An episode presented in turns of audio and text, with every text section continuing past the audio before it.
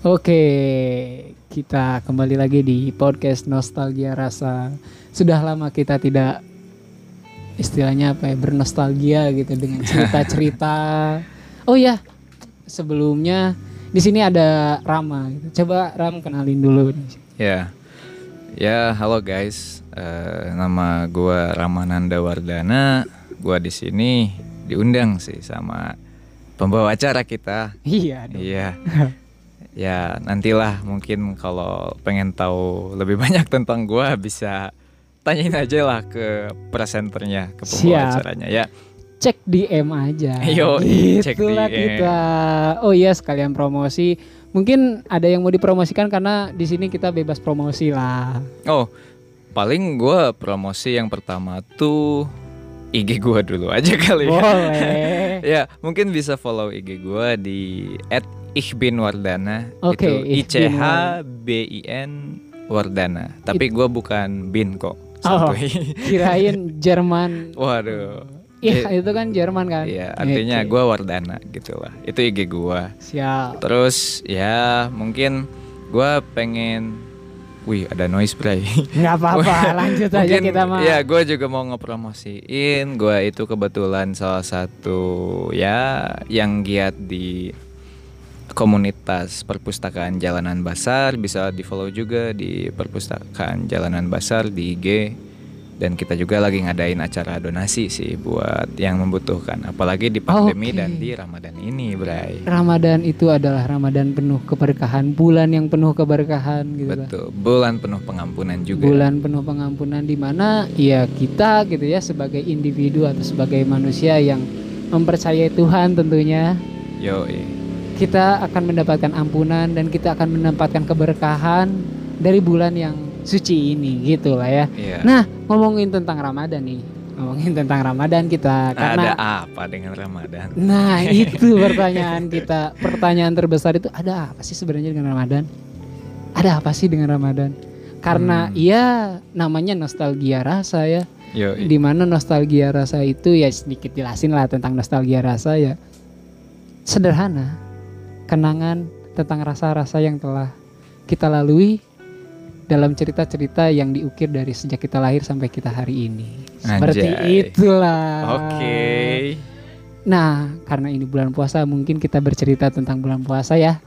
Boleh, boleh, boleh. Punya kenangan apa sih di bulan puasa? Uh, kalau gue ngobrolin tentang Ramadan dan apa yang terjadi di Ramadan, ya mungkin berarti ngobrolin nostalgia rasa di Ramadan tahun kemarin lah ya. Iya. Oh, ada banyak hal sih sebenarnya gitu. Iya, gimana tuh gimana? Eh, uh, yang pertama itu gue di Ramadan tahun kemarin itu pastilah ya kalau di keluarga gue tuh kan ada munggahan tuh kan. Wow, Oke, beli, iya beli. ini ini munggahan. Coba bisa dijelasin dikit kan karena nggak banyak orang tahu juga nih tentang oh, munggahan iya, iya. kayaknya nggak tahu saya juga. Kalau gue tuh baca-baca di ini sih di Instagram. Ya, gimana di, tuh? Uh, salah satu akun namanya tuh saya beritahu id kalau gak salah. Iya. Jadi tradisi munggahan itu hanya ada di Jawa Barat atau ya khususnya di masyarakat Sunda. Kenapa tuh bisa kayak gitu? Jadi uh, tradisi munggahan itu tradisi di mana kita mempersiapkan Ramadan satu keluarga di mana kita ngelakuin hal-hal atau aktivitas Ramadan itu bareng sama keluarga sih. Oh, Oke, okay. ya. mungkin gini ya, mungkin konsepnya karena Ramadan adalah bulan penuh pengampunan, bulan penuh hmm. keberkahan, dan dia kita itu uh, adalah beberapa keterangan atau hadis yang mengatakan bahwa nggak apa-apa ya ngomongin hadis nggak apa-apa oh, mungkin ya enjoy lah kita lah ya kita iya. bebas di sini lah. Iya.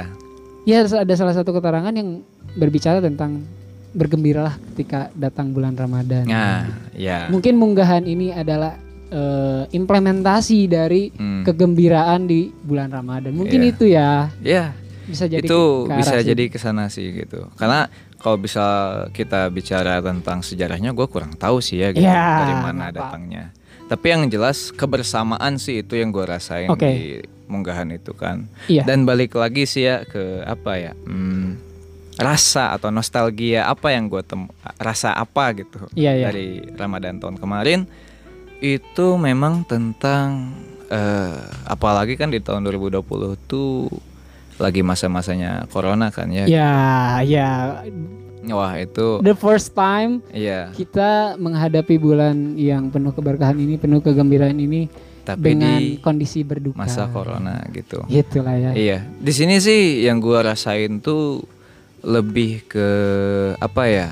Kebersamaan gua di keluarga itu lebih erat sih gitu. Oke. Interaksi gua sama keluarga gua itu lebih Mungkin erat. karena sebelumnya tanpa ada corona kita sering berkeliaran di luar mungkin Iya, ya. kan? Uh, ada sengganya gini lah ya, ada banyak acara buka bersama Ya. di sana sini. Dari mulai teman SMP, iya, eh, SD, SD dulu. SD, TK bahkan. Bahkan ya. Nah, kayaknya Iya. apa ya, satu kandungan juga kayaknya ada kalau kembar tuh ya kembar sebelas Ya kan itu bukber keluarga. oh iya, bener juga ya Iya, kalau itu bukber keluarga.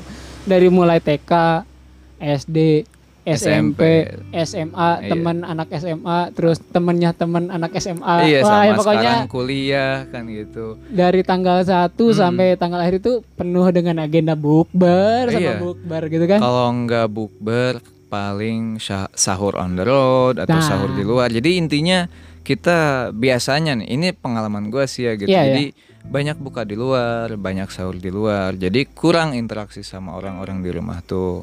Iya. itu yang gua rasain. Nah kalau di corona yang tahun 2020 khususnya itu itu wah lebih apa ya intens sih gitu interaksi gue Iya, sama iya, iya. orang-orang di rumah. Itu sih bedanya kan kayak apa ya banyak waktu ngumpul karena memang ada PSBB juga kan awal-awal tuh lagi ketat-ketatnya kalau Mung- sekarang mah gak tahu juga sih sekarang kenapa ya Eh, singkatan PSBB itu kalau boleh tahu apa ya? pasukan baris berbaris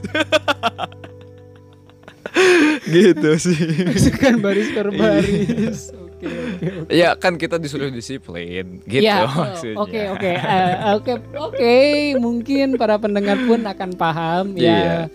Kembali kepada pendengar ya. Iya.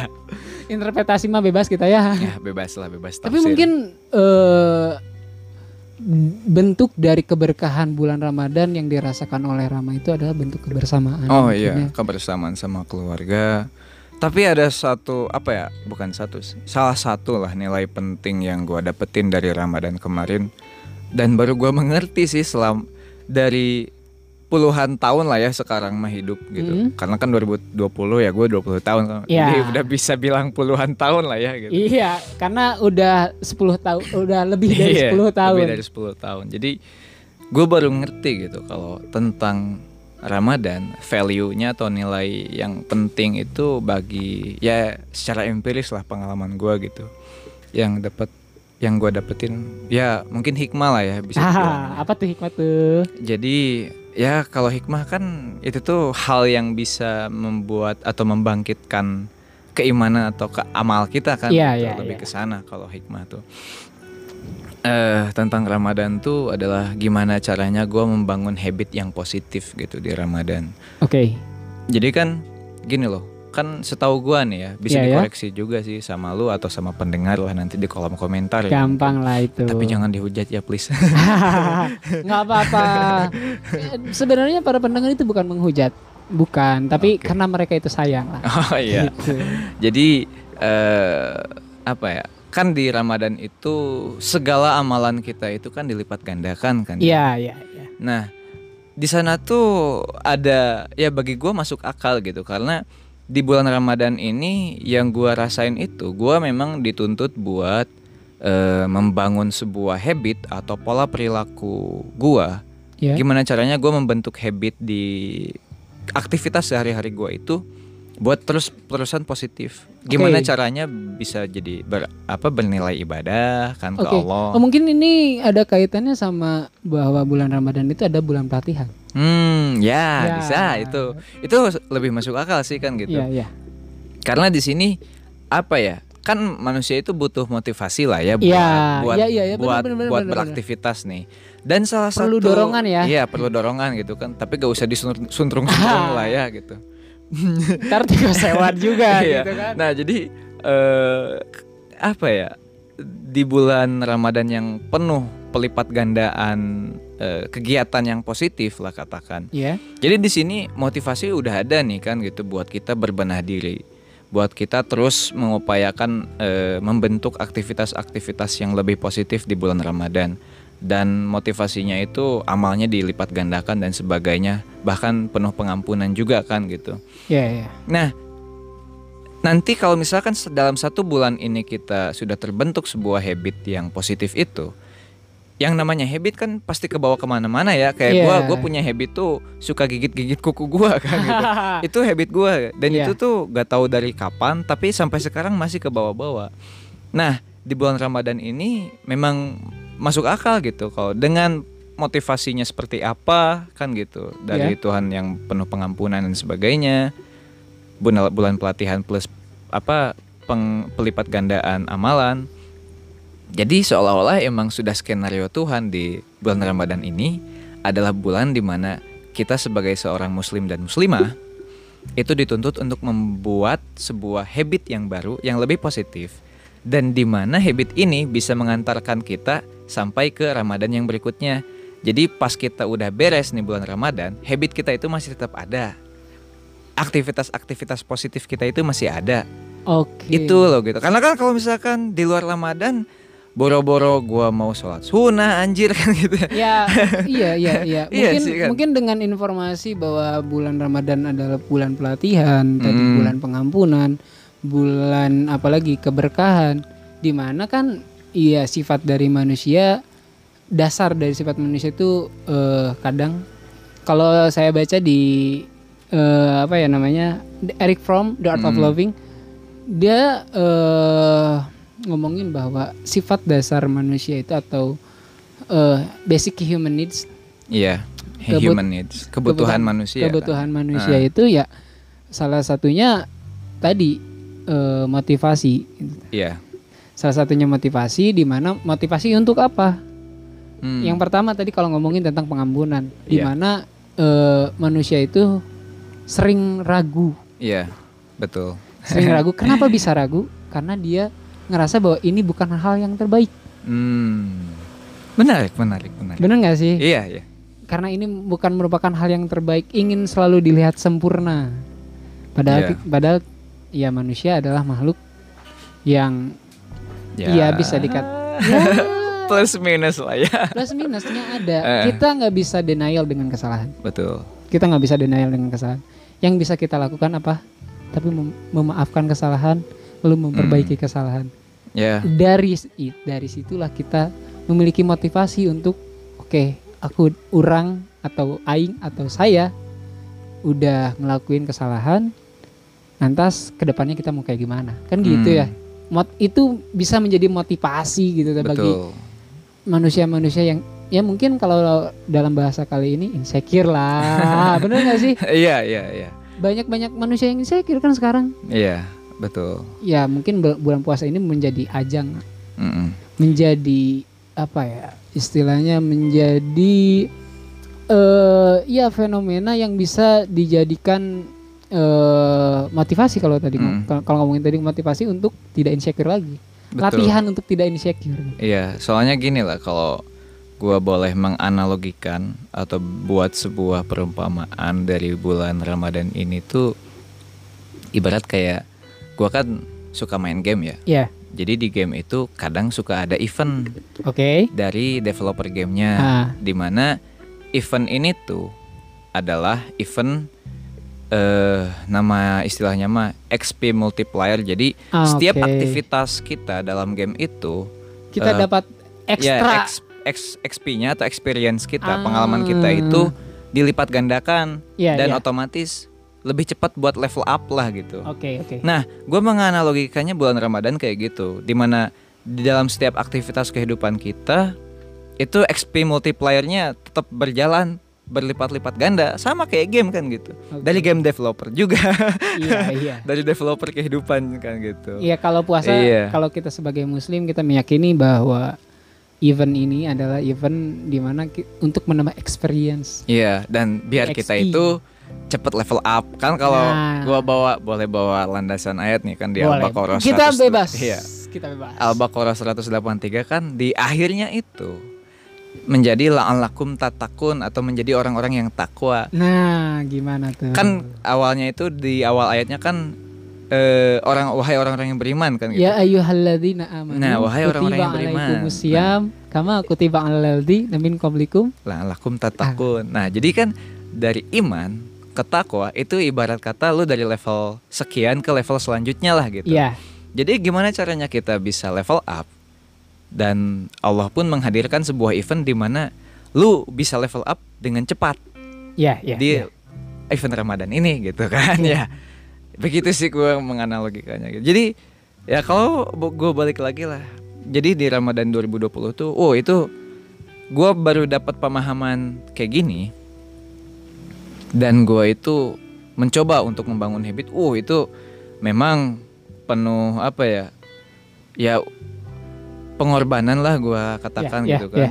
Dan emang sulit sih. Gue aku itu emang sulit gitu. Karena yang lebih sulitnya itu bukan membentuk eh bukan membentuk habit yang barunya yang gue rasakan tuh sulitnya, tapi menghapus habit yang lama anjir yang Memang. susah tuh. Memang Betul.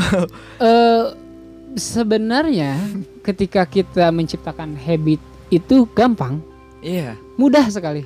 Tapi untuk meninggalkan habit yang lama, uh, iya. itu Waduh. pekerjaan berat. Mening- Itu pekerjaan iya, berat. Meninggalkan itu anjing. Manusia sangat sulit untuk bisa ikhlas Iya. dengan perpisahan. Ya, susah move on dari habit yang lama. Ya, Iya. aduh. Habit sih ya. Betul. Eh mungkin eh gini deh kalau dari aku. Disederhanain. Kata apa yang paling bisa menggambarkan? Sebutkan tiga kata yang paling bisa menggambarkan Ramadan dari sejak paham atau ya nggak apa-apa lah nggak apa-apa Hmm, Dari, Dari tahun kemarin lah ya. nggak dari semenjak lahir lah misalnya Oh. sampai sekarang kata tiga kata yang menggambarkan Ramadan tuh apa sih Pengorbanan, pengorbanan terus em, pelatihan pelatihan sama kemenangan. pengorbanan pelatihan lalu kemenangan Iya, Oke. karena di ujungnya itu kan ada Idul Fitri. ah Iya. kembali kepada keseharusan Iya, kembali kepada fitrah seharusnya. Wah. Fitrah. Karena di sana Iya, itu iya. hari kemenangan kan Idul Fitri itu. ya Gua mengam- menggambarkannya itu kalau di bukunya George Orwell 1984 ada yang namanya Victory Cigarette. nah gimana Itu tuh rokok kemenangan. anjing Meskipun oh Victory Cigarette oke Ya, oke Victory oke. Cigarette. Wah aja gua gua pas baru paham baru paham iya, Victory Cigarette. Jadi eh, gua pas gua tahun kemarin Idul Fitri gua sebat tuh kan Iya. nyalain rokok anjing ini rokok kemenangan Anjing. gua nih anjing ngeri parah parah parah Emang- sensasinya beda Emang sih, eh, karena kan rokok itu habit sih ya, bener gak sih? Bener gak sih? iya Kita nggak bisa denial gitu sama rokok ya. Hmm. Sederhananya apa sih eh, manfaat yang kita dapetin dari rokok? manfaatnya sih itu jadi buat Relaksasi. ya sebenarnya selain dari relaksasi ya memang ada kaitannya juga sama relaksasi sih tapi biar biar gua kalau misalkan gua nggak ada kegiatan sama sekali nggak ngelakuin apa pun gua kalau mikir itu memang bisa fokus tapi bisa lebih fokus kalau misalkan ada kegiatan kan gitu ya Nah. seenggaknya sebat kan gitu itu stimulasi sih Stimulus. ya stimulus Oke. Eh paling kita berbicaranya segini dulu aja mungkin. ya. yo Jadi menurut Rama Ramadan itu kalau bisa digambarkan dengan tiga kata yaitu bulan pelatihan, bulan pengorbanan, dan bulan kemenangan bulan kemenangan. Yo. Karena di mana ketika kalau diibaratkan pertandingan, Hmm, kita tuh butuh latihan. betul Setelah kita butuh latihan, kita butuh pertandingan dan di dalam pertandingan kita mengorbankan sesuatu.